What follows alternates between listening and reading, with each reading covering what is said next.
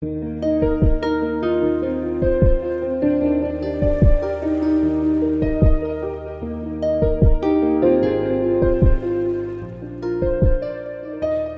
til MIO BPA sin egen podkast. Mitt navn er Arne Olav Hope.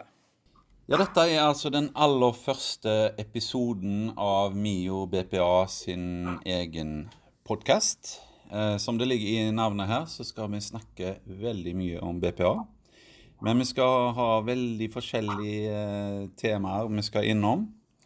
Eh, første episode eh, så velger vi å gå litt eh, til kilden av hva BPA egentlig dreier seg om. Jeg er da Arne Olav Hope. Jeg er ansatt i MIA BPA som teamleader og jobber sammen med mine rådgivere for å hjelpe andre med å få på plass sine BPA-ordninger. I dag har vi en fantastisk gjest med oss. Um, hun skal få lov å selvfølgelig introdusere seg sjøl. Marianne. Marianne Knutsen, hvem er du? Hvem er jeg? Eh, ja, eh, det er jo et stort spørsmål. Eh, jeg er trønder, som man sikkert eh, allerede hører. og så er jeg eh, leder i Norges Handikapforbund Ungdom. Og eh, dem eh, som kjenner meg godt, tror jeg vil beskrive meg som litt eh, både dedikert og engasjert, men også kanskje litt sånn både rastløs og kanskje litt sånn vimsete. Eh, men ja, eh, det er jo meg. Eh, og så vil jeg si at jeg er genuint opptatt av eh, at alle mennesker skal få oppfylt sine menneskerettigheter. Eh, og jeg er veldig glad i å både tillegge meg ny kunnskap eh, og å educate meg selv, hvis man kan si det. og så jobber jeg jo mye med menneskerettigheter og likestilling i Norges Handikapforbund Ungdom. Eh, og der er jo også funksjonshemmede eh, en av Norges største minoriteter. Men også kanskje en av de minoritetene som opplever mest diskriminering. Så, så det er jo jeg veldig opptatt av, at eh, funksjonshemmede skal få en plass ved bordet. Eh, rett og slett. Og at vi må heve våre stemmer og kreve våre rettigheter. Da. Eh, ja, så det er jo litt om meg. Og så er jeg jo veldig glad i familien min og i vennene mine og musikk og det å reise, da. Selv om det ikke blir så mye av det nå i disse tider, da. Ja. Nei, altså, jeg, jeg, er veldig fascinert av deg. Altså, jeg tenker jo at Første gang jeg hørte om deg, så var jeg helt sjokka når jeg hørte uh, hvor gammel du var. Hvor gammel er du blitt nå? Eh, 21 har jeg jo akkurat blitt, faktisk, nå mot uh, slutten av 2020. Ja, fantastisk. Ja, Da er du offisielt voksen både i Norge og USA, er du ikke det? Jo, jeg er vel det. det er vel der de har grenser på 21 for det meste? Mm. Vi skal jo i dag snakke om eh, BPA. Eh, og hva tenker du er ideen bak BPA? Jeg tenker at ideen bak BPA er rett og slett det at funksjonshemmede selv skal få lov til å bestemme over eget liv og hverdag. At man rett og slett skal ha valgfrihet. Da. Frihet til å at man kan ansette assistenter som man, eh, som man, kommer godt overens med. Eh, at man bestemmer hva man skal gjøre i sitt eget liv, hva de skal bistå med når de er på jobb. Og at man derfor også da har friheten til å både gjøre gode valg og til å gjøre dårlige valg. Eh, og det er jo nettopp det, eh, og det kommer vi kanskje litt mer inn på. Men det snakker vi jo mye om i podkasten Hemma òg. Eh, nettopp det å eh, Der vi snakker om alt fra liksom reiser til flauser, til dating, til studiehverdag, til aktivisme. Eh, og her så snakker vi jo ikke i utgangspunktet om på en måte BPA, men uten BPA så hadde jo ikke noe av det vært mulig. Og det er vel kanskje det som er ideen bak BPA, og det er vel det som også gjør BPA til, i hvert fall syns jeg, da, eh, funksjonshemmedes aller viktigste likestillingsverktøy. Ja, Nei, altså, jeg, må jo si dette er jo på ingen måte en norsk oppfinnelse. Eh, jeg, endelig fikk jeg tid til å sette meg og kose meg med den filmen Crip Camp. Jeg vet ikke om mm. Den har du helt sikkert sett? Ja, den har jeg sett. Den er helt uh, fantastisk. Ja, den, den, så jeg, den, så jeg, i eh, romjula. Mm. Eh, og jeg har venta litt med å se den, for jeg har hørt så veldig mye bra om den. Og jeg tenkte jeg må ha litt mm. fred og ro og ta den innover meg. Og der ser du da faktisk eh, eh det, med, det, som handler om eh, ja, den begynnelsen på den eh, independent living-bevegelsen, som kanskje da mm. er det som eh, til slutt kom til Norge i form av det vi ser som BPA i dag. Hva tenker du rundt det? Mm. Mm. Eh, hva jeg tenker rundt det? Ja. Nei, jeg tenker jo absolutt at det er mye av kjernen i det, da. Eh, og jeg syns jo også at den filmen er veldig god. Fordi den viser, og den utfordrer på en måte mye stereotypier rundt eh, funksjonshemmede òg. Liksom forestillinga av at man er på en måte passive brukere, eh, men at man får mer den her Nei, det er ikke det det er snakk om. Det er snakk om å være borgere med menneskerettigheter, rett og slett.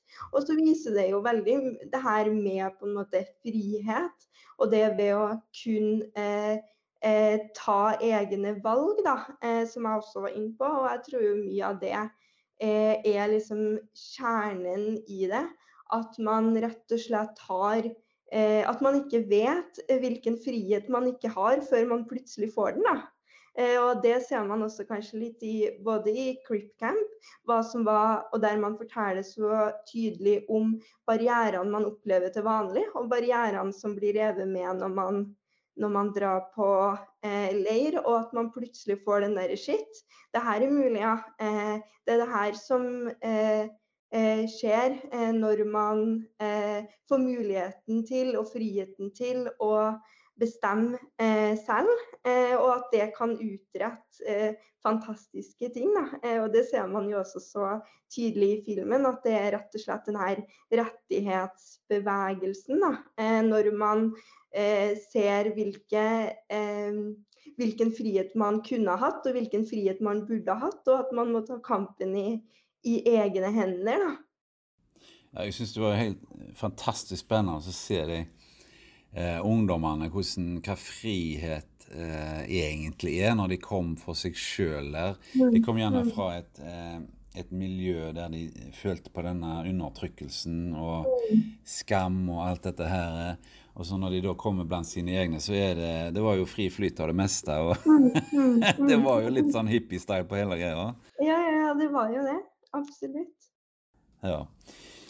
Eh, nei, men så er, må vi litt tilbake oss til eh, 2021, vil jeg si. Eh, og dette med, med BPA, altså hvem, hvem, er det egentlig som kan få det i dag, tenker du? Hvem er det som egentlig burde ha fått det? For det er jo ofte et avvik mellom det. Mm, mm. Eh, nei, eh, sånn som det er i dag, sånn formelt sett, eh, så er jo Så innebærer jo rettigheten eh, på BPA at personer med store assistansebehov, da, som det er formulert, som er over 25 timer i uka, har den der individuelle retten da, på BPA. og så er det jo også sånn at personer som har under 25 timer, også kan søke om BPA. Eh, og så har det jo også kommet nytt rundskriv i 2015 som, eh, som er veldig tydelig på at BPA skal være et verktøy for likestilling eh, og for samfunnsdeltagelse. Rett og slett for at man skal kunne leve et aktivt og selvstendig liv. Da. For alt det innebærer fra yrkesdeltakelse til utdanning og arbeidsliv og, og familie. Eh, og det er jo veldig, eh, et veldig viktig rundskriv i seg selv, fordi eh, det er jo eh, det har jo vært veldig en sånn at man kanskje har fått innvilga timer til og det, får man jo, det er det jo absolutt preg av enda òg. At man får innvilga timer til veldig grunnleggende eh, ting, men at det har vært vanskeligere å få innvilga timer til eh, politisk deltakelse f.eks., eller fritidsaktiviteter, eller andre typer eh, ting som man rett og slett gjør i et eh, vanlig, vanlig liv. Da. Eh, så sånn sett så eh, er jo det en veldig, en veldig positiv ting for for hvordan det utvikler seg, og for hvem som har muligheten, og for hva som favner rettigheten. Men realiteten i dag er jo også at det er veldig mange som ikke får eh, BPA, og som ikke vet eh, om BPA, og at det varierer veldig fra kommune til kommune òg, og fra saksbehandler til saksbehandler, egentlig. Om du får de timene du eh, søker på. Og mange får jo også mindre timer, og ikke får det timeantallet de trenger. Noe som gjør at eh, BPA ikke da får innfridd det mm, intensjonen det er til. Da. Nettopp det at man ikke får den valgfriheten og den Eh, at det blir det likestillingsverktøyet det kan være. da. Ja, nei, Det er jo akkurat det som er utfordringen i Norge i dag. Det at det er så stor forskjell i saksbehandling. Og det er jo veldig urettferdig for de som da opplever gjerne å få avslag på sin søknad. Mm. Men tenker, jeg tenker gjerne at det er jo en trend som kanskje går en litt oppmykning, spesielt etter 2015 eh, tenker jeg. Mm. Det var, det var, faktisk det som var resultatet for meg sjøl. At eh, det var mm. det som egentlig var grunnlaget for at jeg fikk gjennomslag for min egen, mm. eh, min egen søknad. Jeg holdt jo på i faktisk ti år jeg, før, eh, før, den gikk gjennom. Mm. og så er det jo det at eh, du vet jo egentlig ikke helt hva du har gått glipp av da, når mm. du har fått BPA. Uh, og jeg mener så sterkt at det, det heter så fint på engelsk at det er life-changing event. Mm. Eller hva, hva, er det du hooker av på? De burde hatt det på Facebook. Det er det du kaller for uh, en livshendelse. Mm. Mm. Sånt opplevdes det.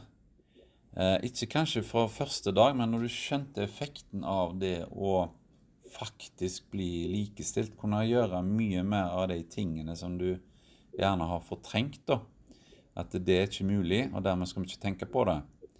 Eh, og alle de tingene som jeg gjerne har tenkt på at det har jeg lyst til å gjøre, eh, det kunne jeg nå gjøre. Mm. Hvordan var det for deg når du fikk BPA, og når var det du fikk uh, dette, faktisk? Eh, nei, det er egentlig litt det samme. Eh, jeg kjenner meg veldig igjen i det du sier med 2015. Eh, eh, og det var vel egentlig da jeg fikk innvilga BPA også. Eh, fordi jeg og broren min, eh, som også er funksjonshemma, vi var før 2015, da var vi vel 14 år eller noe sånt. Og før det så hadde vi eh, vært på en avlastningsinstitusjon. Eh, en helg i måneden og noen dager i uka her og der. og jeg hadde egentlig eh, i mange år ønska BPA og jobba for BPA, men ikke fått det innvilga. Uh, og i 2015 så fikk jeg innvilga eh, tre timer om dagen, sånn cirka, med BPA. Så det var veldig lite. Jeg tror jeg hadde søkt om noe sånt 80-90 timer i uka, uh, og så fikk jeg 20-30 Eh, så det var jo veldig det her som jeg var inne på i stad også, at tanken da var at det var det jeg trengte, for det var det som skulle dekke det absolutt grunnleggende. da, Og det andre, det var ikke Det var noe jeg kunne, noe jeg kunne velge bort, da. Eh, hvis eh, det var eh, Det var mye av argumentasjonen, da. Eh, at det ikke var nødvendig nok, da. Å f.eks. være politisk aktiv eller eller, eh, eller, alt mulig andre ting da, som man også gjør i et, i et liv. Eh, så det var en veldig lang prosess med mye møter og søknader og klager og, eh, og forskjellig. Og så kom jo da det rundskrivet som jeg var litt inn på eh, tidligere, ut. Og jeg fikk da nettopp egentlig eh, flere timer ganske med en gang. Fordi, man, fordi jeg nå kunne argumentere da, i min søknad med at eh, jeg vil leve et aktivt og selvstendig liv. Og for meg så innebærer det å være politisk aktiv. For meg så innebærer det å kunne jobbe mer med studier, være sammen med venner. Eh, sånne type ting, da. Eh, eller studier som videregående greier. og da så eh, flytta jeg eh, etter en stund til Oslo eh, og gikk på folkehøyskole der et år. Og da fikk jeg innvilga BPA der mens jeg gikk på folkehøyskole. Og så, når jeg flytta tilbake til Trondheim for å studere, og det er jo ikke så kjempelenge siden heller, to-tre to år siden, tror jeg.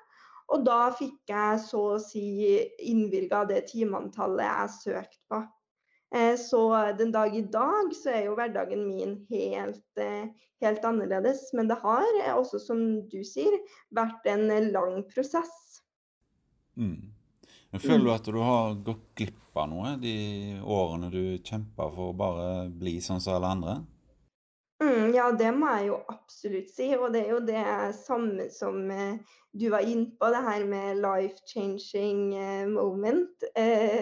Event. Event, moment. Ja, det er det jo. Ja. Event. Ja. eh, og det merker jeg jo eh, veldig eh, fra å være på en institusjon, eh, rett og slett, til å kunne ha muligheten til å bestemme over mitt eget liv og hverdag. Det er jo, en, det er jo noe helt annet. Det er jo ikke noe man altså Det går jo ikke an å sammenligne engang. Eh, så, så, det er jo altså eh, det, og det er jo nettopp det at man lever et liv sånn som alle lever et liv, da. Både, det er både eh, spennende og kjipt og rotete og travelt og vakkert og alt på en gang. da. Og BBA gjør jo at jeg f.eks. kunne dra på backpacking i Sør-Afrika i 2018.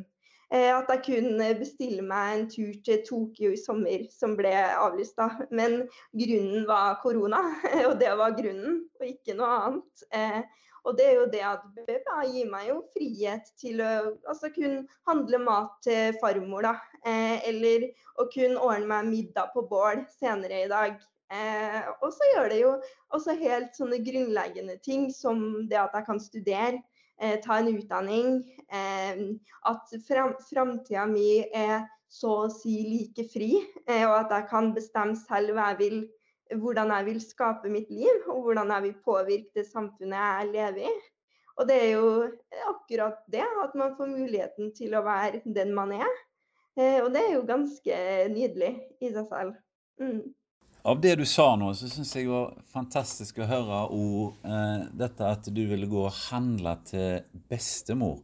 Altså Det er jo ord, sånne små detaljer når du har BPA, som eh, gjerne folk flest ikke tenker på. at Når du har en funksjonsnedsettelse, så er det litt sånn tanke om at du eh, I hvert fall før jeg hadde BPA, må jeg si at du mottar eh, tjenester fra venner og familie, men problemet er å gi noe mm. tilbake. Og BPA kan jo faktisk gjøre sånn at hvis jeg vil gå og klippe plenen til søsteren min og overraske henne når vi er på ferie, så har jeg faktisk mulighet til å gjøre det. Og jeg tenker på mm. hvor mange ganger hun har hjulpet meg med forskjellige ting. Hvorfor skal ikke jeg, i kraft av å bare være et vanlig menneske, eh, kunne eh, ha den muligheten til å gi noe tilbake? Hva tenker du om den delen av BPA? Mm. Jeg tenker det er kjempeviktig. Eh, og du er jo veldig inn på kjernen i det der. Nettopp det å kunne være en som gir noe tilbake, da. Og at ikke minst at folk som er rundt meg, kan, eh, kan regne med meg eller, eller eh, spørre meg om ting som de ikke kunne ha gjort tidligere, da.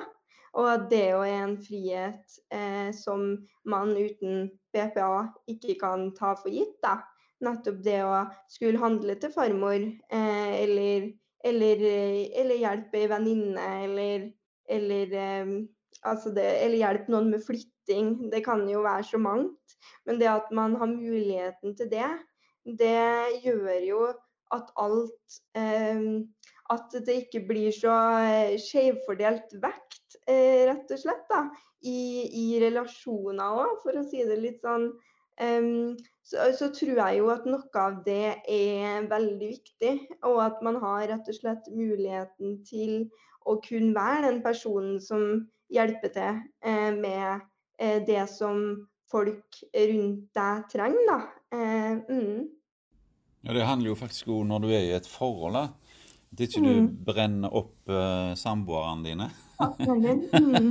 Mm. I så måte at det blir en skjevfordeling i oppgavene i, i husholdningen, ikke sant? At man kan bytte på å lage middag, bytte på rydding og vasking, eller altså, Og så er det jo bare det muligheten òg. Det kan jo hende at, eh, at eh, personen man er i lag med syns det er kjempeartig å lage mat, men kjempekjedelig å vaske gulv. Eh, og da kan man jo på en måte bli enig seg imellom, men da har man muligheten til det.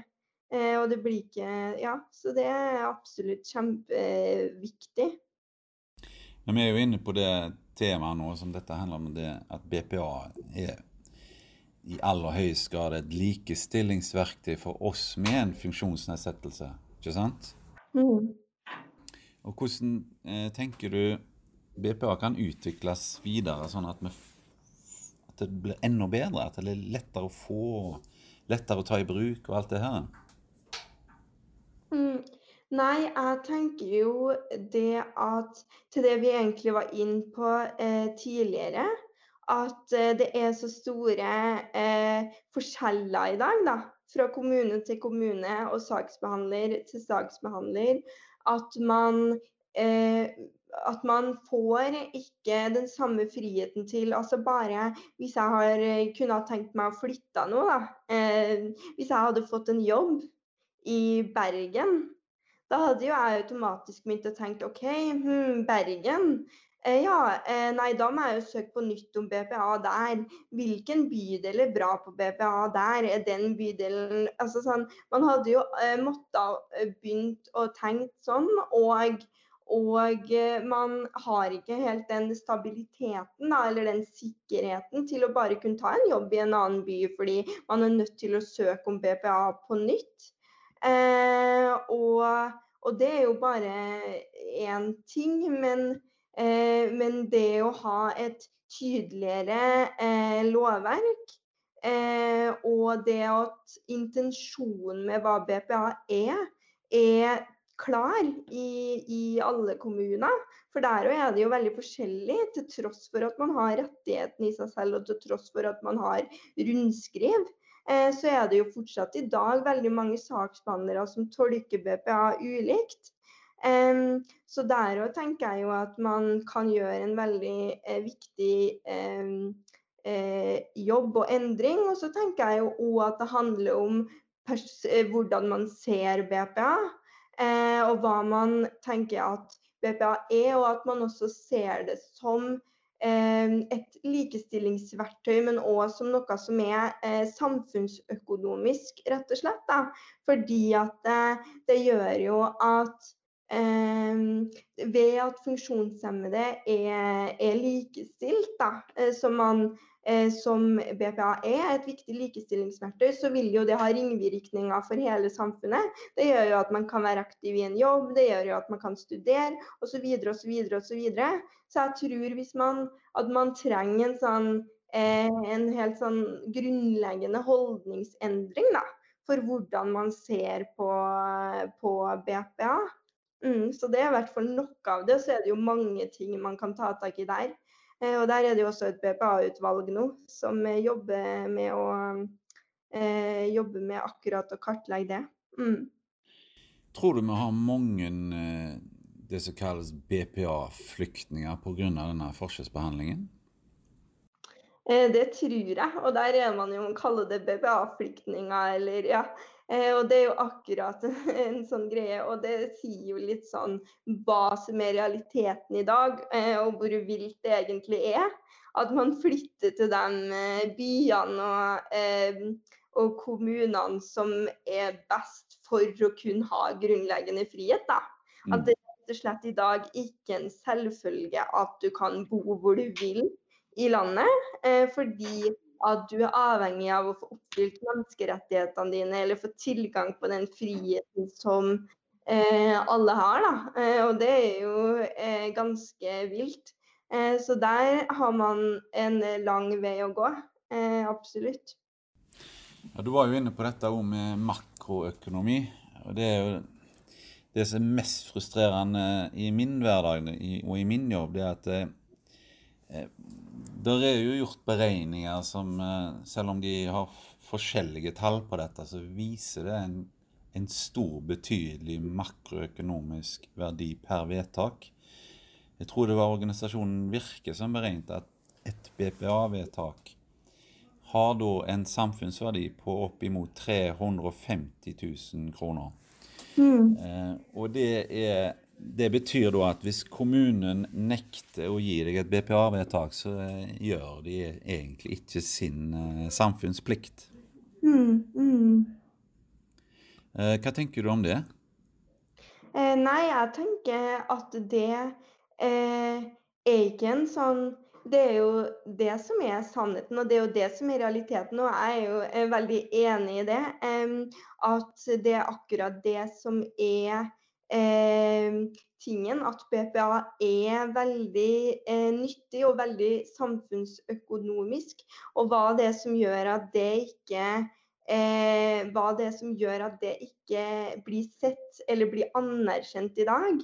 Eh, det er jo en annen, eh, en annen diskusjon. Eh, jeg tror jo, som jeg òg var inne på tidligere, at det handler om at man også har kommet til kort i funksjonshemmedes likestillingskamp, da, rett og slett. Og at man henger litt igjen i den der forestillinga eh, av funksjonshemmede som eh, at man bare mottar eh, og ikke bidrar. og det hele den her som jeg var inne på med passive brukere i stedet for eh, borgere med menneskerettigheter. Eh, og det er jo eh, nettopp der BPA er nøkkelen. Da. Det er nøkkelen til å benytte seg av ressurser. Det er nøkkel til å kunne som funksjonshemma eh, få være med å forme det samfunnet man lever i. Og ved, eh, og ved å ikke ved at det fungerer sånn som det er i dag, og ved at mange ikke får den retten og det timeantallet de trenger, så mister jo samfunnet massive ressurser. Og det er jo kanskje det man ikke ser, og det er så innmari leit. Eh, fordi at ved at de barrierene og den eh, diskrimineringa som ligger i det, eh, fortsatt eksisterer, så gjør jo det eh, at samfunnet ikke er like bærekraftig som det det kunne ha vært. Og det er jo kjempedumt. Både for, eh, både for eh, funksjonshemmede, oss som er funksjonshemma, og funksjonshemmede som minoritet, men òg i et samfunnsperspektiv, da. Ja, jeg, jeg, kan ikke være mer enig med deg. Det er liksom den der eh, stat-kommune-kampen med, med funksjonsnedsettelser føler jeg har havna i en virkelig skvis, tenker jeg. Og at det er mye som må på plass for at vi får et mye mer eh, eh, strømlinjeforma system som gjør at de som har sitt behov, får det dekka, kan du si. Eh, men jeg vil inn på en, en liten sammenligning. Eh, jeg vet ikke hvor godt du kjenner til barnehagereformen? Jo da. Men det var sånn, det skal ikke mer enn en generasjon tilbake oss i tid, så var det såpass vanskelig å få barnehageplass at uh, mange kvinner valgte å bli hjemme istedenfor mm. å gå mm. ut i yrkeslivet. Uh, og det som da skjedde når uh, vi fikk på plass barnehageutbyggingen, det var jo da at sysselsettingen gikk jo veldig mye opp. Og Det var en quiz jeg husker for ikke så mange år siden. Det var et spørsmål om hvilket land i verden er det folk jobber mest. Og det var masse gode forslag som kom opp. Det var Japan, Singapore Ja, det var ingen som nevnte Norge. Men faktisk så er det sånn at vi nordmenn er i verdensklasse når det gjelder eh, betalt arbeid per capita. Rett og slett fordi vi har så stor kvinneandel som eh, har eh, en vanlig jobb. Altså du jobber jo hjemme selv om du er hjemmevarmende barn. Det er ikke det jeg vil inn på, men at du faktisk jobber for en arbeidsgiver. Eh, og, og, det, og, bakgrunnen for det er jo barnehageutbyggingen. Og da tenker jeg Er BPA det samme eh, for oss med funksjonsnedsettelse som det vil være eh, for en barnehagedekning for, eh, for, kvinner? Hva tenker du rundt det? Mm. Eh, ja, jeg tenker at det er en veldig, veldig god sammenligning. Og jeg tror også at en sånn type sammenligning kan gjøre det enklere um, for uh, folk utenfor um, uh, funksjonshemmedes likestillingsbevegelse, eller på en måte uh, rørsla, da, hvis man kan kalle det det, å se vår um, rettighetskamp, rett og slett. Da. Eh, hvis man, så jeg syns det er en kjempegod eh, sammenligning. Og barnehagereformen, det var, det var jo som du eh, sa, eh, så innebar jo det at eh, flere småbarnsmødre kunne jobbe eh, heltid. og det er jo akkurat det BPA også gjør.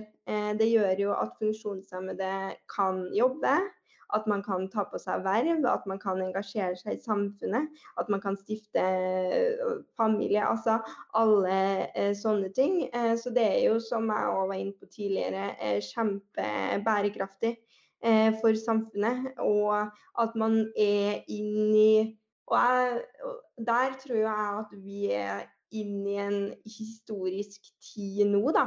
Rett og slett at hvis man sammenligner med andre likestillingskamper, og der er jo også frigjøringskamp er jo ingen, ingen pai, skulle jeg til å si. En ja. gruppes frigjøring utelukker, utelukker, jo ikke en annen gruppes frigjøring. Men jeg tror vi er der nå, da, at, funksjon, at i funksjonshemmedes likestillingskamp, eller når det kommer dit, så har vi enda kommet så kort. Eh, men at vi om eh, om noen år. Eh, og nå tar jo ting tid, men jeg tror vi virkelig er i en sånn tid der nå, der man begynner å se på hva det her handler om, og man begynner å se på de strukturene, og at man om eh, noen år kan tenke at oi, shit, men, eh, men her hva var det som skjedde i, i 2021, eller hva, hva, drev man på med da? Eh, og at det trengs en sånn derre revolusjon. Da. Jeg liker jo å tenke litt sånn aktivisten i meg, jeg liker jo å tenke litt sånn stort. Ja, eh, men jeg, jeg, tror vi virkelig er der, da. Og at der, hvis man sammenligner med kvinnekamp eller barnehagereformen, det er så spot on, da. Mm -hmm. ja. Nei, jeg er helt enig med deg. Uh, du var inne på dette med arbeid. Og da, vi har jo en tjeneste som heter funksjonsassistanse. Og i går mhm. hadde jeg faktisk en av mine aller beste møter med Nav. Eh, nettopp om dette med funksjonsassistanse. For det eh, Nav eh, Den delen av Nav har virkelig skjønt dette her med assistanse og jobb for eh, mm. oss med funksjonsnedsettelse. Altså de, de kaller til og med skjemaet sitt ikke for søknad engang. De kaller det for registreringsskjema for arbeidsgivere. Mm. Og bare det å ikke kalle noe sånt en søknad, tenker jeg gir et klart og sterkt signal at dette får du hvis du har behov for det. Mm. Eh, og prosessen, eh, bare for å ta et eksempel, da, så eh, var det en case vi måtte starte opp eh, uten et formelt vedtak fra Nav. Og det, det, er jo på mange måter litt uh, gale, Mathias. Uh, men når vi nå er i dialog med, med, Nav, så sier de at selvfølgelig, dette skal vi ordne. Dette skal vi fikse. Dere kan etterfakturere. Det, det, er jo, det, er jo, så fantastisk, for de, de skjønner verdien av at, at uh, folk kommer seg i arbeid, uavhengig av sin funksjonsnedsettelse. Mm. Tenk om kommunene kunne ha tenkt likt. Mm, mm. Ja, det hadde virkelig, det hadde virkelig vært noe. Eh, og der tenker jeg eh, funksjonsassistanse er et eh, eksempel til etterfølgelse. Altså absolutt. Eh, og så er det jo kanskje det at man, eh, og jeg bare tenker jeg litt sånn eh, høyt, men at man ser på funksjonsassistanse som det du sier, da, litt sånn direkte sånn eh, link da, mellom funksjonsassistanse og arbeid. Og at det blir liksom en sånn her eh, Det gjør at det går så innmari fortere, at prosessen går så mye fortere fordi man ser ressursene som ligger i det. da. Og her tror jeg man bare trenger å eh, innse eh, og jobbe for at det blir anerkjent at BBA er akkurat det samme. Mm. Fordi det er så grunnleggende, da. Eh, mm. Ja, det er bare to forskjellige deler av hverdagen. Det ene skjer på Mm. jobben, det andre skjer privat. Men de to Mm. delene henger jo sammen. Det henger sammen. Mm. Altså, hvis, jeg bruker ofte det ord når jeg eh, treffer andre. Altså, hvis, du, hvis du får den assistansen du trenger i livet ditt, så ruster du deg for arbeidslivet. For du får Mm. mer en effektiv eh, privatliv. Eh, Det vil si at hvis du, kan korte ned på tiden det, det tar for å få deg gjøre deg klar for uh, uh, om morgenen, klar for arbeid, arbeidsstedet ditt, sant? så er jo det en del av livet ditt å bli mer effektiv og kunne delta på lik linje med alle andre. Mm. Og så er det jo hele veien dit, tenker jeg, med liksom studier og, eh, og alt det som er eh, imellom. Altså alle ting er jo Altså det her er jo en direkte link opp imot hva man, hva man gjør eh, senere i livet òg. Eh, og om man kommer inn i arbeidslivet, nettverk. Altså det alt handler jo Alt henger jo sammen. Og det er så innmari viktig eh, å se det. Og at eh, det ene er så uvurderlig for det andre. Mm. Jeg vil inn på et litt eh, tema som gjerne en del tenker på når de hører ordet BPA. At BPA det, jo, det kan være så vanskelig. Altså det, enten er det de som har behov for det, som tenker slikt, eller faktisk eh, de har blitt fortalt det av andre, f.eks. saksbehandlere i kommunen. Mm. Eh, min erfaring er jo det at BPA er egentlig veldig enkelt når det først er satt i, i drift. Og jeg vet ikke hva erfaring du har på det, Marianne. Hva tenker du rundt enkelheten med det med å administrere en BPA-ordning? Mm, og da tenker du på, eh, på måte å lede sin egen ordning? Ja. Hovedsak? Mm. Eh, ja, nei, jeg syns jo absolutt at det er Eh, at det er fantastisk eh, å lede min egen ordning, nettopp fordi at det gir meg frihet eh, til å kunne ansette assistentene som jeg ønsker, til å kunne, til å kunne være spontan, til å kunne bestemme hva man skal gjøre på jobb, hvor man skal gjøre det, sånne type ting.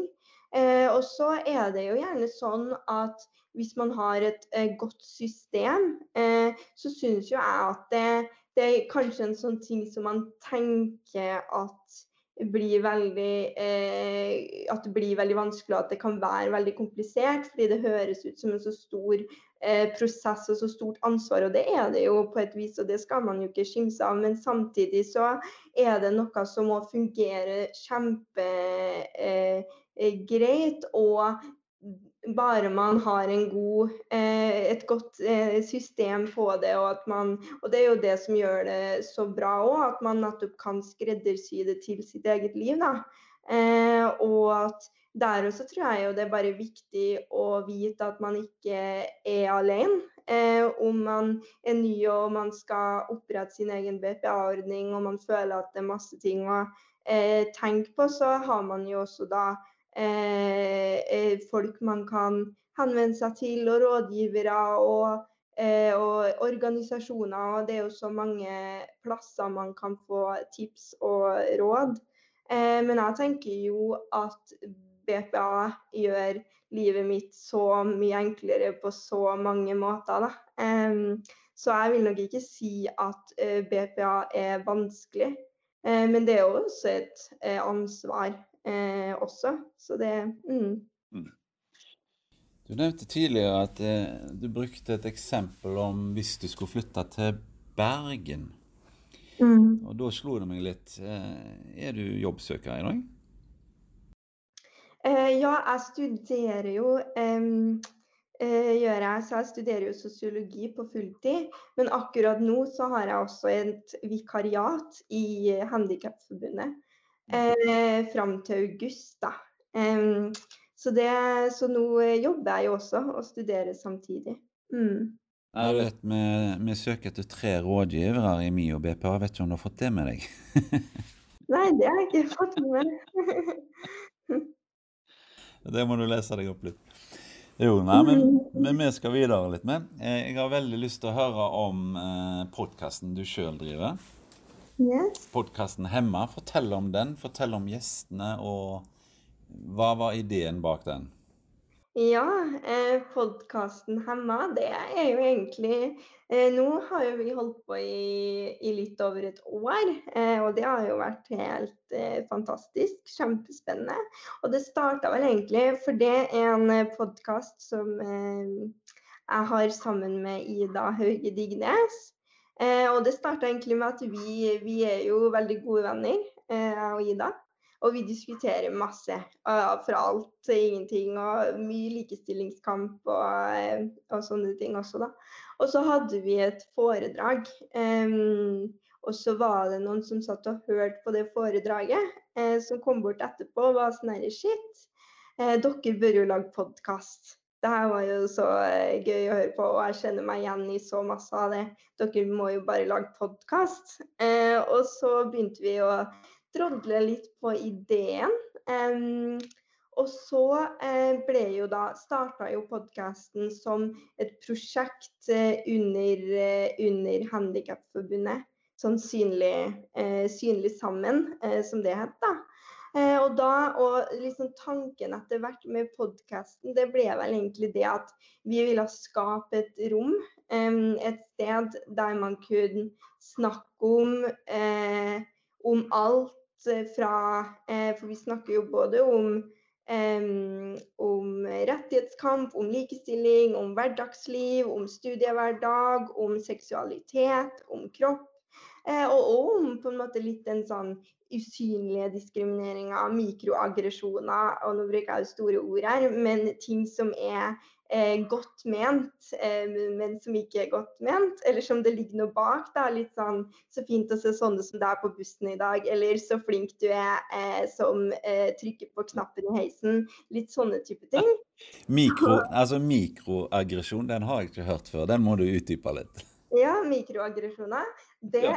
eh, det, er et litt sånn fancy ord da, som jeg tror mange, som jeg opplever at mange ikke har hørt om når jeg bruker det. Men det er egentlig litt sånn bevisst òg, fordi da, spør, da ber ofte folk meg om å forklare det. Og jeg syns det er et fantastisk ord, fordi det setter ord på så mange ting som i hvert fall jeg opplever eh, som funksjonshemma, og som man opplever i andre minoriteter òg, for den saks skyld. Og det er det her Det kan være alt fra um, så, så flink du er som er på butikken og plukker epler eller, eller, du ser jo ikke lesbisk ut engang. Eller så flink du er til å snakke norsk til å ikke være herfra. Altså, det, det, er liksom alle sånne der som på en måte er godt ment, men som ikke blir godt ment. Og så sammenligner man det ofte med, med en mygg. da, eh, At det er greit med ett myggstikk, det er greit med to. Men om du får innmari mange myggstikk, så, eh, ja. Eh, ja, så jeg syns den, den, er veldig god. da. Så vi snakker jo mye om det. og jeg jeg syns i hvert fall for min del at, eh, at det hadde vært eh, kjempefint med en sånn podkast da jeg var 13-14, men også, også enda. Eh, for jeg lærer kjempemasse hele tida, både av gjestene vi inviterer og av ting som vi diskuterer oss fram til. Eh, så det er jo litt sånn eh, tanken med podkasten. Og så har vi også hatt kjempemange interessante gjester. Eh, som Karina Karlsen, eh, som er, eh, som er eh, kroppspositivist, tror jeg hun kaller seg. Der vi har diskutert mye om liksom, kropp og seksualitet. Og så har vi hatt eh, eh, Geir Lippestad, og vi har hatt Sofie Frøysa. Eh, vi har hatt kjempemange interessante gjester, og du har jo også gjester i podkasten. Ja, ja, det var veldig kjekt. Mm, den, ja. Jo, nei, Vi må ta litt på den eh, mikroaggresjonen-greia. Det, det tenkte jeg litt på meg, eh, meg sjøl i jula, faktisk. fordi eh, når du har sittet i stol en del år, så lærer du jo en del det vi kaller i kampsport sånn blokkingsteknikk. At du klarer på en måte å Hvis du har opplevd det du kaller for myggstikk, da, mm. og på en måte ja, kommentere på rette måten, eller skjerme deg, eller hva du måtte bruke som eh, eh, selvforsvarsmekanisme. Da. Men av og til så opplever du stadig noe nytt, vet du. Så du vet ikke helt hvordan du skal reagere. Og jeg, jeg sto i eh, Du vet, det var jo midt i koronaen. Eh, og der er jo krav til avstand, ikke sant? Eh, når du er på en butikk. Og så jeg skulle inn og så hente Jeg var på jeg lette etter noe sånn der eh, eh, julesylte. Sant? Mhm. Eh, og den er, var ikke helt eh, lett å finne. Så når jeg åpner eh, døra, da, så står jeg litt der for å kikke litt hvor er den der julesylta da, liksom. sant? Og så kommer det ei dame, altså. Hun hadde tydeligvis mer rettigheter til den julesylta enn jeg hadde. Så hun bøyer seg over meg og kommer Altså, hele frontpartiet hennes lå over skulderen min og tok julesylta rett foran meg. Og jeg ble så satt ut at jeg, jeg tenkte altså dette er jo altså det, Midt i koronaen der, det var jo full touch, sant? Og, og det var jo altså Hun hadde jo ikke gjort, tenker jeg, med en eh, vanlig mann som sto. Da hadde hun pent stått i ro. Men siden jeg satt og var litt lavere enn henne, så følte hun i sin fulle rett til at jeg brukte kanskje litt for lang tid. At det var et eller annet der som hun ikke eh, kunne finne seg i. At den julesulten bare tar jeg nå. Og det er sånn, da, Den mikroaggresjonen er jo den du føler sjøl. Er det ikke så tenkt med det begrepet? sant? Det er liksom, Det er rett før det koker. Eller det kokte, det kokte jo, da.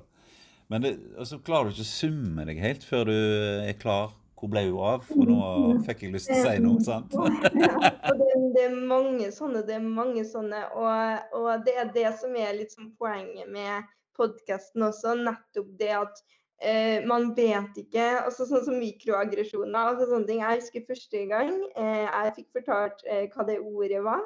Eh, jeg tror jeg var i en diskusjon med Ingrid, Ingrid Tunem, Eh, og så brukte hun det ordet, og så var jeg sånn Hva er det? Og så forklarte hun meg det, og da var jeg sånn Hæ, det er det det er? Alle liksom For man opplever det så sykt ofte, ikke sant? Og så som jeg fortalte um, Ida her, eh, jeg var til tannlegen da, forleden uke, i forrige uke. Um, og da skulle hun ta bilder og sånne ting da, av tennene, og så kom hun tilbake. da, Og så sa hun sånn Jeg vet ikke hvorfor du sitter i rullestol eller noe sånt, men du klarer i hvert fall å ta vare på tennene dine. og da ble jeg sånn derre Jeg sa sånn derre Jeg tror jeg sa sånn der, Jeg ble sånn Oi, shit. Og så sa jeg sånn Hm, jeg vet ikke om de to tingene henger sammen, men jeg skal føye det på lista over en av mine mange talenter. Eller et eller annet, sa jeg. Og så var det sånn, og noen ganger òg, så bare klarer du ikke å svare heller. For du blir liksom så satt ut, da. Ja, Hva skal du svare på noe sånt? Det må være sånn, Hvor har du tatt tannlegeutdannelsen din, du som er så dårlig med mennesker? ja, ja, man blir jo litt sånn at, Mm, så det, det er mange sånne Ja. Ja, nei, det, det, men det er jo det er liksom Det er når du først kommer hjem du tenker på Det skulle jeg sagt. Mm, mm, det er akkurat det. ja. Ja, Ja, vi skal litt videre. Eh, du vet det er jo mange i dette landet vårt som eh, ennå ikke har eh, søkt på BPA. Det, noen har kanskje ikke hørt eh, om, om tjenesten engang og hva det går ut på. Men det er jo en stor gruppe som både har hørt og tenkt på det.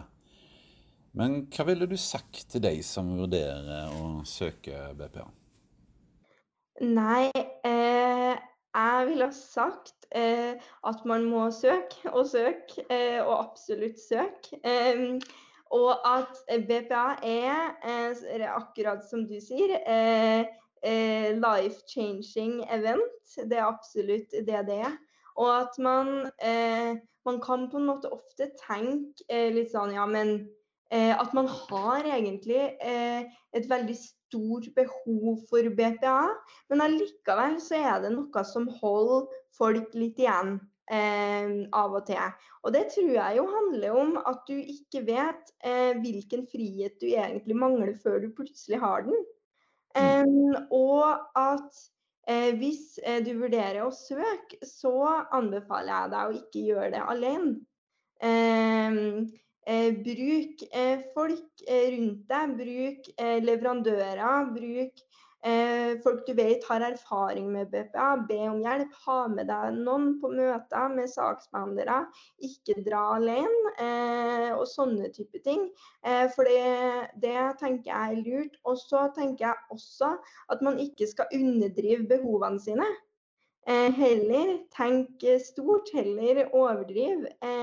I hvert fall eh, eh eh, nøye over det og beskrive ting godt og detaljert. Og så tenker jeg jo, og det jo høres jo litt sånn teknisk ut, men det kan være lurt da, hvis man har muligheten til det, og der kan man jo bruke leverandører og, og, folk rundt seg. Men bruk lovverk og les seg opp på rettighetene sine. Det er veldig lurt. Eh, så det er kanskje litt sånn mine tips. Men uavhengig av det, så tenker jeg at BPA er så utrolig viktig, og det kan gjøre så store forskjeller i et liv.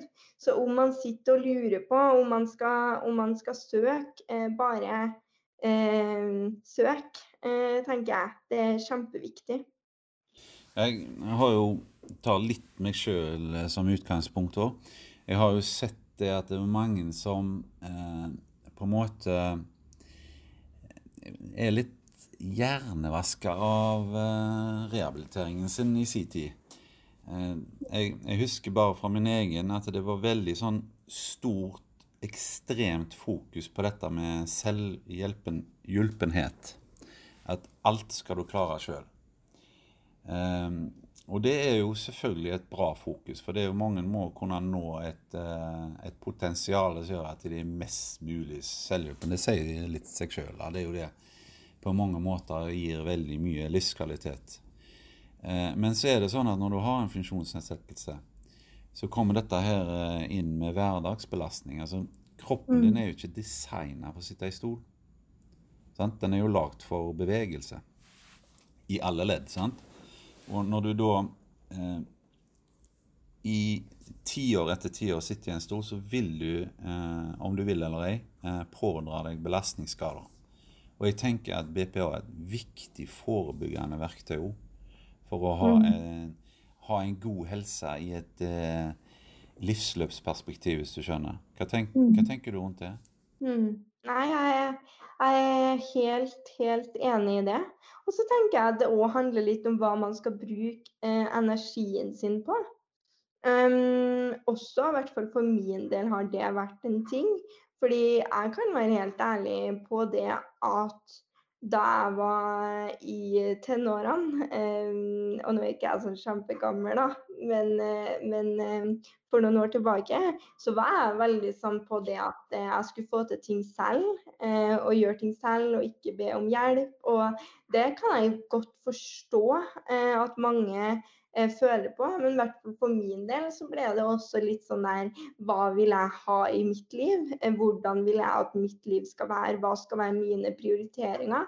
Og ja, jeg kan bruke to eh, timer på å ta på en sokk eller eh, eller sånne type ting. Da. Det er bare et eksempel. Men, eh, eller jeg kan bruke to timer på eh, å være med på en uh, Holde et innlegg på en konferanse, eller, eller få lest det jeg skal av pensum, eller, eller bare få besøkt en god venn. Altså. Um, så, man, så, det òg tror jeg også det handler litt om. Um, og så er jeg også veldig enig i det du uh, var inne på, med det å ta vare på seg selv, rett og slett. Mm. Ja. Jeg har et et lite overraskelsestema til deg. jo, ja. Nå er jeg spent. Jeg håper du har stålsatt deg. Nei, jeg må innrømme, jeg, eh, jeg, måtte jo google deg litt en stund siden sist gang. Eh, du er jo en inspirasjon til så mange. Eh, både oss gamlinger, for å kalle det i Norges Handikapforbund, men også selvfølgelig blant ungdommen. Men jeg måtte skikkelig dra på smilebåndet når jeg leste en artikkel om deg. så her kommer det. Eh, kan du fortelle meg eh, hva er sammenhengen mellom sex og ledestjerne? Hva som er sammenhengen mellom sex og lederstjerne? Ja.